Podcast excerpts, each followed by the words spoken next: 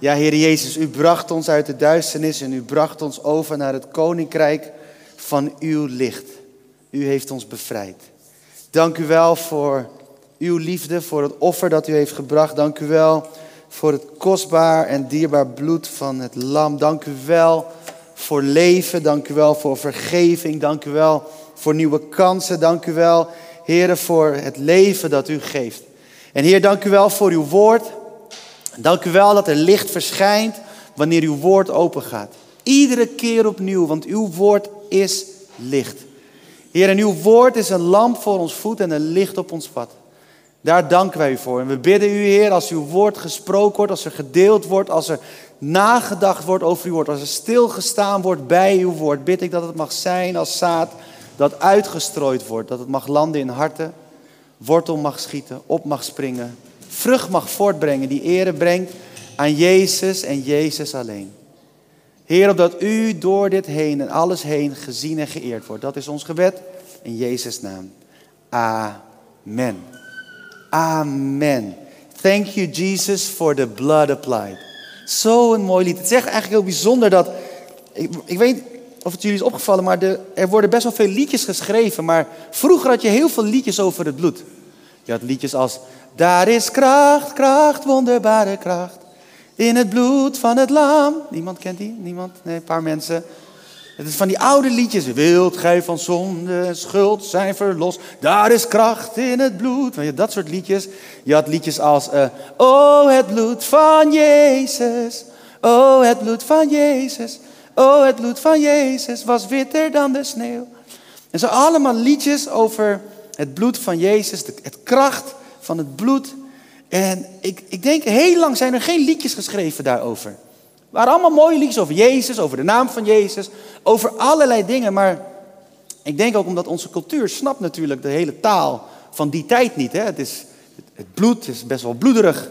Ik weet niet hoe jullie daarover nadenken, maar ja. Als iemand zegt, ja, het bloed van Jezus was je schoon. Stel dat je nooit iets hebt gehoord in de kerk, dan denk je van, oké, rare mensen hier. Toch? Maar, maar als je weet uit welke tijd dit komt, zeg maar, dan weet je ook dat het bloed een teken is van, van, van verzoening, een teken van vergeving. En, of wat ze ook wel eens in Engels noemen, de, de, de great exchange, de, de grote ruil, zeg maar. Dat iemand anders of iets anders, het was eigenlijk altijd totdat Jezus kwam, iets anders, een ander dier in jouw plaats ging. En de prijs betaalde. Dat is, dat is het bloed. En, en, en, en, en de Bijbel spreekt er ook over dat het bloed van Jezus nog steeds spreekt. Luider spreekt dan het uh, bloed van Abel, ik wou bijna zeggen Kain, maar daar hebben we niks mee te maken. Maar dat het, het, bloed van Jezus spreekt. Dus het reinigt niet alleen, maar het, het, het spreekt. Ik geloof het beschermt, het omgeeft je. Het is heel belangrijk. En daarom ben ik zo blij met dat lied Thank You Jesus for the Blood Applied. Het brengt het weer in het nu, met nieuwe melodieën. En je hoort het, dat, dat nee, niet geen, maar mensen zingen het, jongeren zingen het weer en zingen en danken Jezus voor het offer dat Hij heeft gebracht. En later vandaag staan we ook stil bij het avondmaal. Dacht ik, het is mooi om even stil te staan bij het bloed van Jezus. De kracht van het bloed van Jezus. Maar als je deze weken de, de preekserie volgt, dan weet je dat we een reis maken door de bergreden.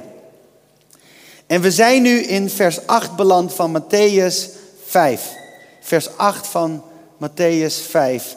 En we zijn beland bij het stuk waar we weer gaan stilstaan bij het hart Waar we weken geleden een hele serie over hebben gehad. Maar Matthäus 5, vers 8, daar staat: Gelukkig wie zuiver van hart zijn, want zij zullen God zien. Gelukkig wie zuiver van hart zijn, want zij zullen God zien. En wanneer ik deze woorden hoor, toen ik er zo mee bezig was, dan moet ik eerlijk zijn, dan denk ik vrijwel direct aan een onhaalbare standaard. Zuiver van hart puur van hart, schoon van Wie van ons zou kunnen zeggen, nou jongens, ik ben helemaal zuiver van hart. Echt niks fouts, niks verkeerds, niks iets. Ik vind dat nogal wat. Gelukkig wie zuiver van hart zijn. Ik moest direct ook denken aan de woorden van Psalm 51. Waar David bidt, schep in mij een rein hart, schep in mij een zuiver hart. Waar ook weer een liedje van is geschreven. Create in me a clean heart. Kent iemand dat lied? Create in me a clean heart, oh God, and renew a right spirit within me. En ik zie dan zo voor mij dat God een schoon, zuiver, rein hart maakt in mijn binnenste. Een hart dat hem behaagt, zoals God over David zei dat hij een man naar zijn hart was. Het probleem is alleen, is dat ik dagelijks fouten maak. En dan hierdoor dagelijks dit gebed zou moeten bidden om een zuiver hart te hebben. En ik zou dan tot mijn laatste adem op aarde als het ware in rondjes lopen. En als ik heel eerlijk ben, als ik elke dag dat zou moeten bidden. En daarbij zeg ik niet dat we niet dagelijks moeten bidden voor vergeving van zonde en, en dat God in ons werkt en dat allemaal. Maar ik moet eerlijk zeggen, als ik denk aan Psalm 51, denk ik echt aan, aan wat David heeft gedaan. Echt van die hele grote verkeerde dingen. En, en weet je wel, dan, dan denk ik, ja, dan kom ik weer. Voor de duizendste keer, voor de duizend en eerste keer, voor de duizend en tweede keer, voor de duizend en derde keer. Dat ik denk van, ja, weet je, ik, laat ik maar stoppen met dit gebed, want ik heb een soort abonnement op dit gebed. Weet niet of iemand dat ooit heeft gedacht. Ik heb dat wel eens gedacht namelijk. Dat ik dacht van, ik heb een soort abonnement. Bij ons in de kerk vroeger, waar ik opgroeide, had je een oproep en dan kwam je naar voren. Ik had een soort abonnement om naar voren te gaan. Weet je wel, ik had een tien rittenkaart om naar voren te gaan. Om mijn leven weer opnieuw aan Jezus te geven. Iedere keer weer opnieuw. Ik dacht van, oh, dit... God ziet me al aankomen. Daar is hij weer. Ja. Check, hij heeft dit ook weer. Dus ik denk, toen dacht ik, is dit dan wat Jezus bedoelt met die woorden? Gelukkig wie zuiver van hart zijn. Je voelt hem al aankomen natuurlijk. Ik denk niet dat Jezus dat beeld bedoelde. Ik denk dat hij iets anders bedoelt. Iets wat misschien nog veel mooier is, veel krachtiger is. Iets zo moois. Want wanneer we kijken naar de woorden zuiver van hart, dan kan je dus denken aan een zondeloos hart. Maar als we heel eerlijk zijn, hier op deze aarde, in deze gebroken wereld, gaat het ons never nooit lukken om een zondeloos hart te hebben, continu. En als het jou wel lukt, ga ik bij jou op cursus. Dan mag je meteen voorganger worden van alle kerken van de wereld. Weet je wat, dan ben je Jezus de Tweede. Een zonderloos hart. Een hart dat nooit fouten maakt. Maar wat bedoelt deze tekst dan wel? Wat nu als het in deze tekst niet zozeer gaat om een zonderloos hart, maar om een oprecht en onverdeeld hart? Als dat wordt bedoeld met zuiver. Ik weet nog, voordat we deze serie met de bergreden begonnen, hebben we dus weken stilgestaan rondom het thema het hart. We hebben gezien hoe belangrijk het hart is. Het hart, de bron van ons leven. Oftewel dat ding van waaruit wij ons leven leven. Dat hart moet oprecht en onverdeeld zijn. Het goede nieuws is dat Jezus hier niet zegt dat we God niet alleen zullen zien wanneer we zonder zonde zijn, maar dus ook wanneer we oprecht en onverdeeld zijn. En wanneer ik denk aan oprecht, dan moet ik denken aan drie woorden. Eén aan eerlijk, twee aan integer en drie aan echt. Het zit ook al in het woord oprecht, echt. Wanneer ons hart oprecht is, dan zijn we dus eerlijk naar God toe. We zeggen wat we denken. De mooie dingen, maar ook de lelijke dingen. En als er iemand is die daarin een voorbeeld is, is het David. Als je de psalmen leest, er zijn psalmen die spreken over de grootheid van God. Er zijn psalmen die zeggen, oh Heer, u bent zo goed, u bent zo genadig, groot bent u. Maar er zijn ook psalmen die beginnen met, waarom heeft u mij verlaten? Er zijn ook psalmen waarin David zegt, ja, nu komen ze me doden. En ja, hij eindigt eigenlijk altijd die psalm weer met, en nochtans zal ik op u vertrouwen, u bent nog steeds goed, maar dat is, de laat, dat is meestal de laat, het laatste couplet van die psalm. Al die andere versen gaan over zijn kommer en kwel. Over wat hij allemaal meemaakt en wat allemaal slecht is in zijn leven. Ik geloof dat oprecht te maken heeft met dat we bruut eerlijk durven te zijn. Naar God, naar onszelf, maar dus ook naar de mensen om je heen. En naar de mensen om je heen is één ding. Naar God is een tweede, maar naar jezelf is nog vaak het moeilijkste. Hoe vaak willen we niet toegeven aan als we ons niet prettig voelen? We denken, nee, we moeten gewoon doorzetten, doorgaan. Weet je wel, put a smile on your face. God is goed, altijd. Ik sprak wel eens met mensen die ook van dezelfde Jezus houden als ik. En ik vroeg aan die persoon, hoe gaat het met je? Zei, ja, gaat goed. Ik zeg, echt? Ja, het gaat altijd goed. Ik zeg, altijd? Altijd. Waarom? Ja, ik heb geleerd van mijn voorganger. Ik moet altijd zeggen dat het goed gaat. Ik moet blij dat het goed gaat. Maar wanneer, als het slecht gaat, dan blij dat het goed gaat. Ik zeg, maar hoe dan? dan? Dan zijn je woorden en wat je voelt zijn niet in lijn met elkaar. En dan wordt het toch heel lastig. Want dan kan je wel komen naar God toe van, Heer, het gaat zo goed met mij. Terwijl je helemaal van binnen kapot gaat. Oprecht heeft te maken dat je eerlijk bent. Dat je naar God durft te gaan en zegt, Heer, ik voel me helemaal niet top. Het gaat niet lekker. Het gaat niet goed. Ik heb u nu nodig. En ik weet dat u goed bent. Ik, ik geloof dat, ik voel het misschien niet. Maar ergens diep in mij heb ik hier in mijn hersenen ingeprent dat u goed bent. En dat wil ik wel beleiden. U bent goed, ook al zie ik het niet, ook al voel ik het niet. Ook al breekt mijn hart, al ben ik kapot. U bent goed. Maar ik wil het wel eerlijk tegen u zeggen hoe ik me voel. Dat is oprecht. En het grappige is, daar kan God wat mee doen. God, God kan heel moeilijk jouw neppe toestand zegenen. Of jouw neppe toestand helen. Als jij komt van het, het, is dat je je beter voordoet dan je bent, dan, dan zegt hij oké, dan. Dus je hebt geen hulp nodig. Nee, Heer, u bent zo goed voor mij. U heeft me al zo gezegend. Ik heb niks meer nodig. Oké. Klinkt eigenlijk heel logisch als je zo over nadenkt. Hè? Maar God wil dus dat we echt zijn. Tweede is, wanneer ons hart oprecht is, dan zijn we integer. Integer, ik moest eraan denken, eerst waar ik aan dacht bij het woord integer, uh, was, dat heeft te maken met mijn achtergrond, mijn studie, dat ik dacht in de wiskunde is een integer getal een heel getal. Is een heel getal, is een integer getal. Daar zit dus niks achter de komma. En daar ging ik dus over nadenken. Er is niks verborgen achter, achter de komma. kan het heel ingewikkeld worden. Denk aan het getal pi. Wie kent het getal pi? Dat is een heel ingewikkeld getal achter de komma. Heel veel mensen komen twee decimalen verder, drie, vier. Ik niet, maar. En dan heb je nog een paar die komen heel ver. Maar, maar het, het wordt steeds warriger achter die komma. Ik denk, integer heeft dus te maken dat what you see is what you get. Je houdt niets achter de komma. Het is niet zo gecompliceerd. Iemand die integer is, heeft een frameset van normen en waarden en houdt zich daaraan vast. Ook als er druk op komt. Je weet dus wat je kan verwachten van iemand die integer is. Net zoals je weet wat je kan verwachten van een cijfer wat gewoon integer is. Geen getallen achter de komma. Gewoon, dat is makkelijk mee te rekenen. 1 plus 1 is 2. Dat is makkelijk. 1 keer 1 is 1. Dat is makkelijk. Maar zodra je kommas hebt, ik bedoel, cijfers achter die komma wordt allemaal ingewikkelder. Dus integer is dus iemand die heel is, iemand waar je, kan, waar je weet wat je kan verwachten van zo iemand, omdat hij een frameset heeft van waar, normen en waarden en zich daaraan vasthoudt. Derde waar ik aan dacht bij het woord oprecht, is het woord echt. Dat zei ik net ook al. Doet me een beetje denken aan integer, maar met het verschil dat het niet alleen is wat het is, maar dat het ook echt is hoe iemand is. Er is geen verborgen agenda bij iemand die oprecht is. Iemand hoeft niet die gedachtes, uh, heeft niet die gedachtes om iets te bereiken. Zeg maar, iemand doet zich niet zo voor om iets te bereiken. Nee, iemand is zo omdat die persoon zo echt is. Je weet niet alleen wat je aan iemand hebt, maar je weet ook dat dat die persoon is. Voor mij brengt het woord echt de woorden eerlijk en integer als het ware samen.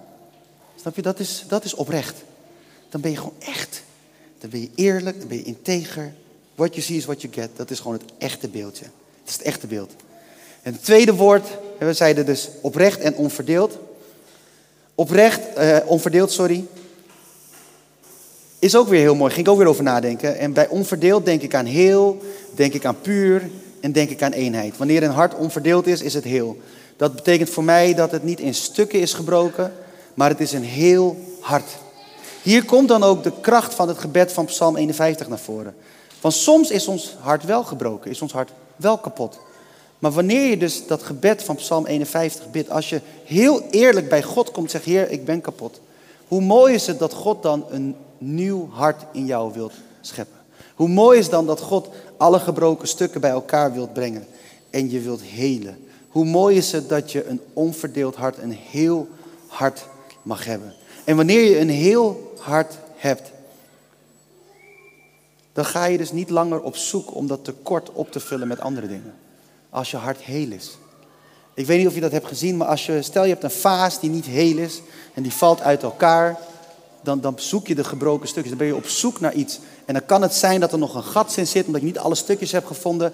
En dan ga je dat proberen te dichten. Je zoekt dan iets om dat gat te dichten. Zo is het ook met een hart dat niet onverdeeld is, wat niet heel is. Dan ga je op zoek naar andere dingen. En ja, soms missen er dingen in ons hart en zijn dingen kapot gegaan. Maar hoe mooi is het dat je God mag vragen: Heere, maak mijn hart weer heel. Want ik wil u zien. Ik wil u zien. En hoe dat dan werkt bij jou, ik weet het niet. Maar eh, bij iedereen zal het anders werken. Maar je mag dat gebed bidden. Heer, maak mijn hart heel. Want ik wil u zien. Tweede, bij een onverdeeld hart denk ik ook aan een puur hart. Puur in de zin van puur water. Of puur goud. Oftewel ongemengd, onvermengd. Een puur hart krijg je door het met niets te vermengen. Dus na dat gebed om een rein hart is het belangrijk om niets anders in dat hart te stoppen dan dat wat er al in dat hart is. Dus vul de honger in het hart niet met aardse dingen, maar richt je op het hemelse. Paulus schrijft er ook over. Dat we ons moeten richten op het hemelse, niet op het aardse. Het is heel verleidelijk om je te richten op het aardse. Laat ik heel eerlijk zijn, als het weer zo is in de zomervakantie, dan is het voor mij heel makkelijk om mij te richten op het aardse. Want dan wil ik op weg naar een warmer oord waar de zon schijnt. Ik ben de enige. Maar ik werd best wel chagrijnig van dit weer. Niemand anders? Een paar mensen, gelukkig, ik ben niet de enige. Maar echt, serieus. Je kijkt uit naar de zomervakantie. Je denkt, de kinderen zijn vrij van school. We dachten, nou, we blijven lekker in Nederland. Want de afgelopen jaren was het ook lekker weer in Nederland. Dus we plannen helemaal niks. We kopen een bakfiets. Dus het vakantiebudget gaat naar bakfiets. We hebben heel enthousiast aangekondigd. Op de zondagen gaan we weer na de dienst lekker naar het park samen barbecuen. Lekker in de molenplas zwemmen. Kunnen we elkaar beter leren kennen. Lekker eten, gezellig, chillen met elkaar.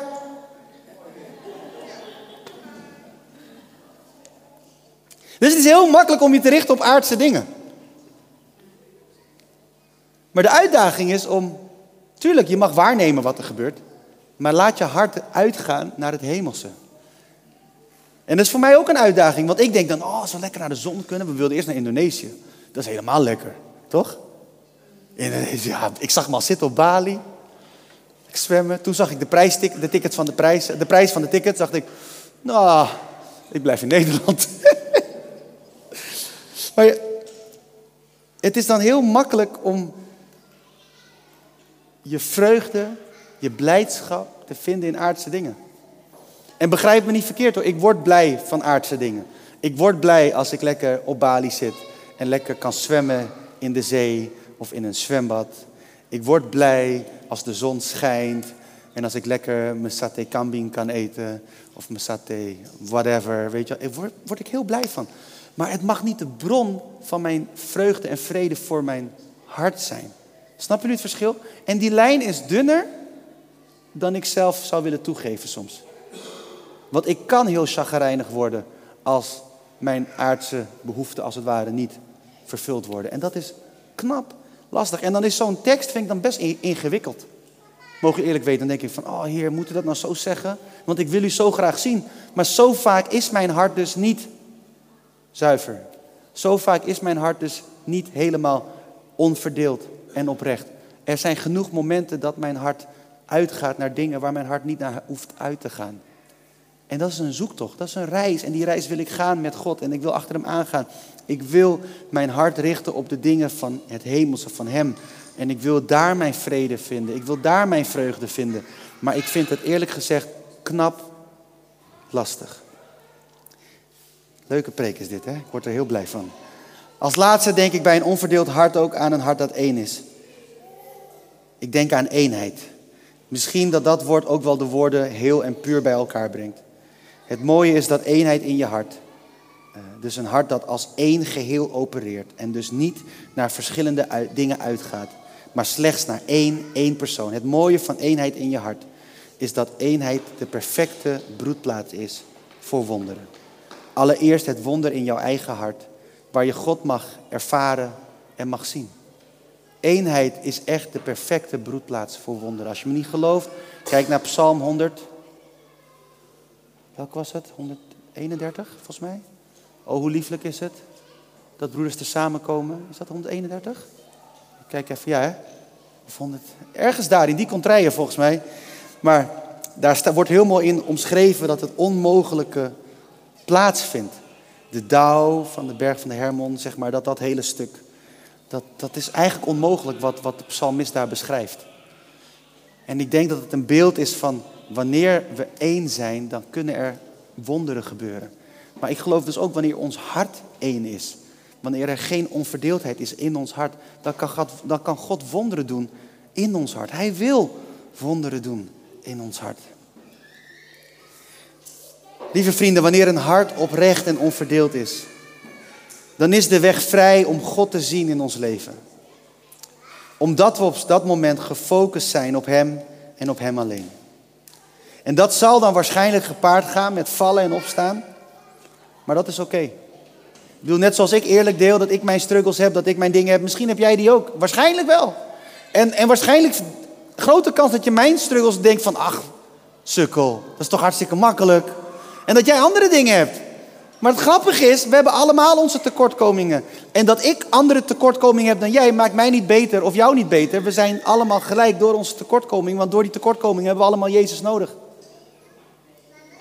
Dus ja, dat oprechte en onverdeelde hart is een ding.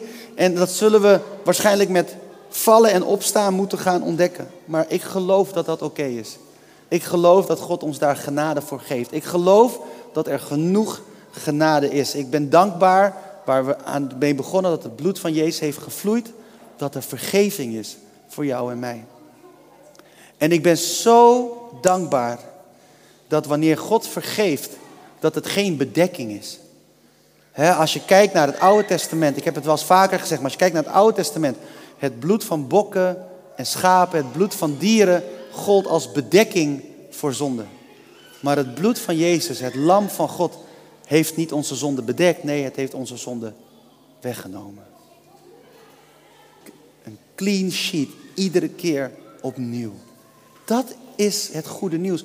En daardoor kunnen we dus iedere dag weer opnieuw bidden. En, en ik zal je zeggen, ik doe dat ook. Dagelijks bid ik dat gebed. Heren, vergeef me de dingen die ik verkeerd heb gedaan. Vergeef me mijn zonde, vergeef me mijn verkeerde gedachten, vergeef me mijn verkeerde acties, vergeef me mijn verkeerde woorden. En help mij om steeds meer te lijken op u. Help mij om steeds meer uw woorden te spreken, uw gedachten te denken en uw dingen te doen. Help mij. En het is een dagelijks gebed. Het is bijna een soort routine van mijn gebed geworden om dat te blijven bidden. Want ik wil elke dag meer gaan lijken op Jezus. Ik wil elke dag steeds meer lijken op Hem en steeds meer veranderen naar Zijn beeld. Ik wil dat. En ik geloof dat dat het verlangen hoort te zijn van elke gelovige. En dat is ook de reden dat als je achter Jezus aangaat, dat als je terugkijkt naar een jaar geleden, wat ik ook al vaker heb gezegd, dat er altijd verandering moet zijn geweest. Altijd. En misschien niet zo snel als je wilt. En misschien niet zo langzaam als je had verwacht. Maar er is altijd verandering.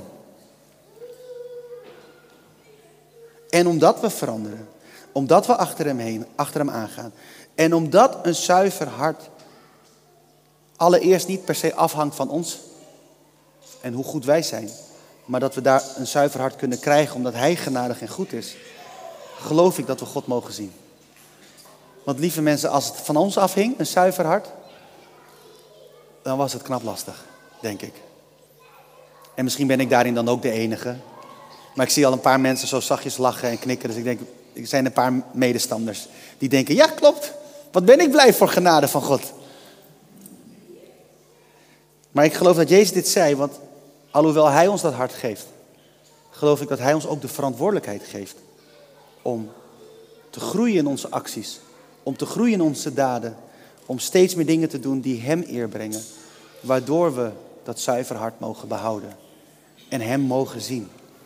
En het mooie is, en dan ben ik klaar, ik geloof wanneer ons hart oprecht is en onverdeeld, dan gaan we God ook zien. En dan heb ik het niet eens over het hele geestelijke. Dat wanneer je bidt, dat de hemel openbreekt en dat er licht verschijnt. Daar heb ik het niet eens over. Ik heb het erover dat wanneer we zuiver, een zuiver hart hebben, wanneer we een oprecht en onverdeeld hart hebben, wanneer ons hart uitgaat naar God, dat we God gaan zien in de kleine dingen in ons, om ons heen. Dat we God gaan herkennen in de knipogen die Hij geeft door ons leven heen. Dat we, gaan hem, dat we Hem gaan herkennen in een appje van een, een, een, vriend of een vriendin, een broer of een zus. Dat we Hem gaan herkennen in, in, in, in een wandeling in de, in, in de natuur. Dat we Hem gaan herkennen in al die kleine, mooie dingen. En ik ga je één ding zeggen, wanneer je God steeds meer gaat herkennen in jouw leven en hem steeds meer gaat zien om je heen, in jou en in de mensen om je heen, dan wordt het leven ook een stuk mooier. Echt waar. En soms is het echt lastig om God te herkennen. Trust me, been there, done that. En soms ben ik daar weer. Weet je wel, want als dan weer iemand weer een bemoedigende mail stuurt waarvan ik denk, wat heb ik hier aan? Weet je wel. Dan, dan, oh, dan kost het me moeite om God te zien daarin. Mag ik daarin heel eerlijk... Het is af en toe lastig. En soms kunnen gedachten in je, in je hoofd ook met je gekke dingen doen. Dan is het ook moeilijk om God te zien. Maar dat is dan het moment dat je naar God toe mag gaan en zegt: Heere, schep in mij een rein hart. En dan hoef je niet eens een hele grove zonde te begaan te hebben. En dat is denk ik ook de grote fout van die Psalm 51. Dat we soms denken, als we echt de mist in zijn gegaan, dan trekken we de Psalm 51 kaart. Nee, dat moet je niet doen. Het staat in de Bijbel, gebruik het. Gebruik het iedere keer weer wanneer je denkt, oh ik kan, ik kan u niet meer zien Heer. Het lukt me niet om u te zien in deze situatie. Het lukt me niet te zien om u te zien. Het lukt me niet om u te zien in deze gebroken wereld. Pak die Psalm 51 erbij. En zeg, Heer, schep in mij een rein hart. Schep in mij een zuiver hart. Want ik wil u weer zien. We zingen een lied, Open the eyes of my heart, I want to see you. Super mooie tekst. Maar in feite zou het moeten zijn, Create me a clean heart, I want to see you. Want dat is wat er staat. Ik wil u zien. En daarmee wil ik je ook bemoedigen. Pak dat gebed er wat vaker bij. Zodat je ogen open mogen gaan. Zodat je Hem echt mag zien. Dat je Zijn hand mag herkennen in jouw leven. Ik beloof je één ding. Wanneer je God ziet in je leven. Wanneer je Hem ziet in de kleine dingen. Wanneer je Hem gaat herkennen in de grote dingen. Wanneer je Hem gaat zien in al die dingen. Dan gaat je leven zoveel mooier worden. Want dan ga je ontdekken dat God echt betrokken is in jouw leven. En dan ga je merken dat God niet alleen El Elohim is die hoog verheven is boven alles maar dat Hij ook gewoon de God is die erbij is. Hij is erbij in alles. Dus dat is mooi. En lieve vrienden, daarmee wil ik ook eindigen. En ik wil bidden met iedereen die zegt van, oh Gilbert, ik wil God zien. Ik wil deze week beginnen, ik wil Hem zien in mijn leven. Ik wil Hem zien in alles. Ik wil dat mijn ogen open gaan. Ik wil dat God mijn hart rein maakt. En niet omdat ik allemaal grote foute dingen heb gedaan, maar gewoon, ik wil, ik wil Hem zien. En als je al zo'n leven leidt, super gaaf, behoud dat vast en ga door. Maar ik geloof ook dat hier mensen zijn, en misschien online, die dat niet hebben. Die denken van, oh, ik zou zo graag willen dat ik God kon zien. Ik ben zo jaloers op al die mensen die zeggen, oh, ik heb iets moois meegemaakt met Jezus. Maar dat is niet alleen maar voor een eliteclub, dat is voor iedereen. Dat is dus ook voor jou. Jij ook kan gewoon God zien. En alles wat daarvoor nodig is, is gewoon dat zuivere hart. Dat hart dat niet besmeurd is geraakt door leugens die mensen aan je hebben verteld. Dat hart dat niet besmeurd is geraakt door teleurstellingen of bedrog van mensen. Of misschien je eigen fouten. Dat hart dat gewoon zuiver is. En God wil jou dat reine hart geven. En dit gebed wil ik bidden met een ieder die zegt van, oh Gilbert, ik wil dit hart. En ook als je dit gebed nooit hebt geweten. Dit, dit is ook een heel mooi gebed wat je kan bidden als je helemaal nog niet bij Jezus hoort. Kan je zeggen, Heer, geef mij een nieuw hart. Dus deze keer hebben we gewoon één gebed. One prayer fits all. Voor iedereen. Of je nou Jezus volgt of Jezus helemaal niet volgt. Als jij zegt, ik wil God zien in mijn leven, dan kan je dit gebed bidden. En dan, het is een mooi startpunt jongens. Het is een geweldig startpunt. Dus ik wil iedereen even een momentje geven. Denk erover na. hey, is dit voor mij of niet? Als dit wel voor jou is, dan wil ik je hand zien en dan weet ik met wie ik kan bidden. En ook als je online meekijkt, steek je vinger omhoog in de chat. Weet je wel, dan weet ik met wie ik kan bidden. En uh, als jij zegt van ik wil God zien. Ik, ik, ik, zie hem nog niet zo vaak. Ik zie hem niet. Mag ik je hand zien? Ik zie wat handen omhoog gaan. Mooi. En uh, ik wacht nog heel even voor de mensen thuis. Iets met 30 seconden vertraging. Maar dan gaan we bidden. En ik zou willen vragen of iedereen in de zaal wil gaan staan. En uh, dan gaan we staan dit gebed bidden.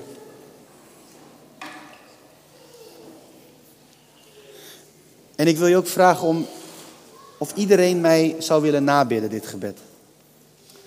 En dan steunen we de mensen die een hand hebben opgestoken, de mensen in de zaal, maar ook de mensen thuis. Dan supporten we ze allemaal. En dan bidden we het samen. Het wordt een eenvoudig gebed waarin we God gaan vragen: Heere, schep in ons een rein hart. En uh, terwijl ik dit zeg, denk ik, misschien is het mooi als we samen, uh, misschien gewoon Psalm 51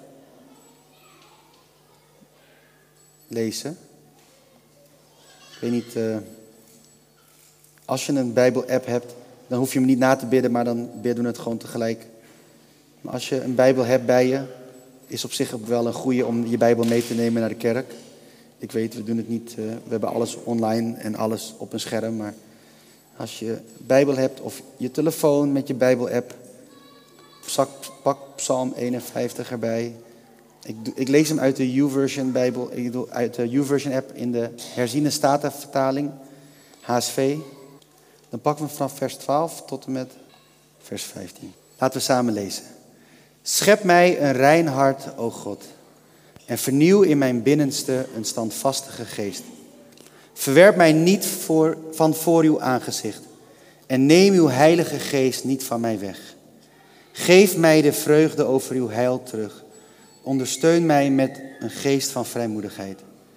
Dan zal ik overtreders uw wegen leren en zondaars zullen zich tot u bekeren. Vader, dank u wel dat we dat zo met elkaar mochten bidden. Schep ons een rein hart, o God. Heer, want we willen u zien. Vernieuw in ons binnenste een standvastige geest. Heer, en dank u wel dat wanneer u dat doet, dan verwerpt u ons niet van voor uw aangezicht. En dan neemt u uw heilige geest niet van ons weg. Heer, geef ons de vreugde over uw heil terug. En ondersteun ons met een geest van vrijmoedigheid.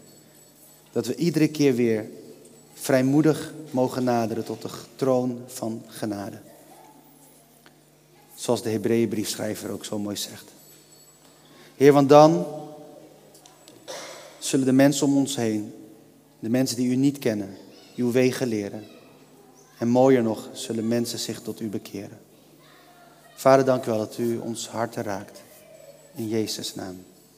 Amen. Hey, Gilbert hier. Bedankt dat je hebt geluisterd naar de podcast van Reconnect Community Church. Ik hoop en bid dat je er niet alleen door bent bemoedigd of geïnspireerd, maar dat deze uitzending jou ook weer meer heeft mogen wijzen naar Jezus en zijn liefde, genade en trouw voor jou en voor mij. En als jij, net als wij, ook enthousiast bent over deze podcast, dan kan je ons helpen door je te abonneren op ons kanaal en deze overdenking te delen met vrienden en bekenden. Mocht je ons ook financieel willen ondersteunen, dan kan dat via reconnect.cc/geven. Je helpt ons dan om dit te blijven doen, zodat wij mede dankzij jouw steun mensen kunnen blijven bereiken met het goede nieuws van Jezus. Bedankt voor je betrokkenheid en je support.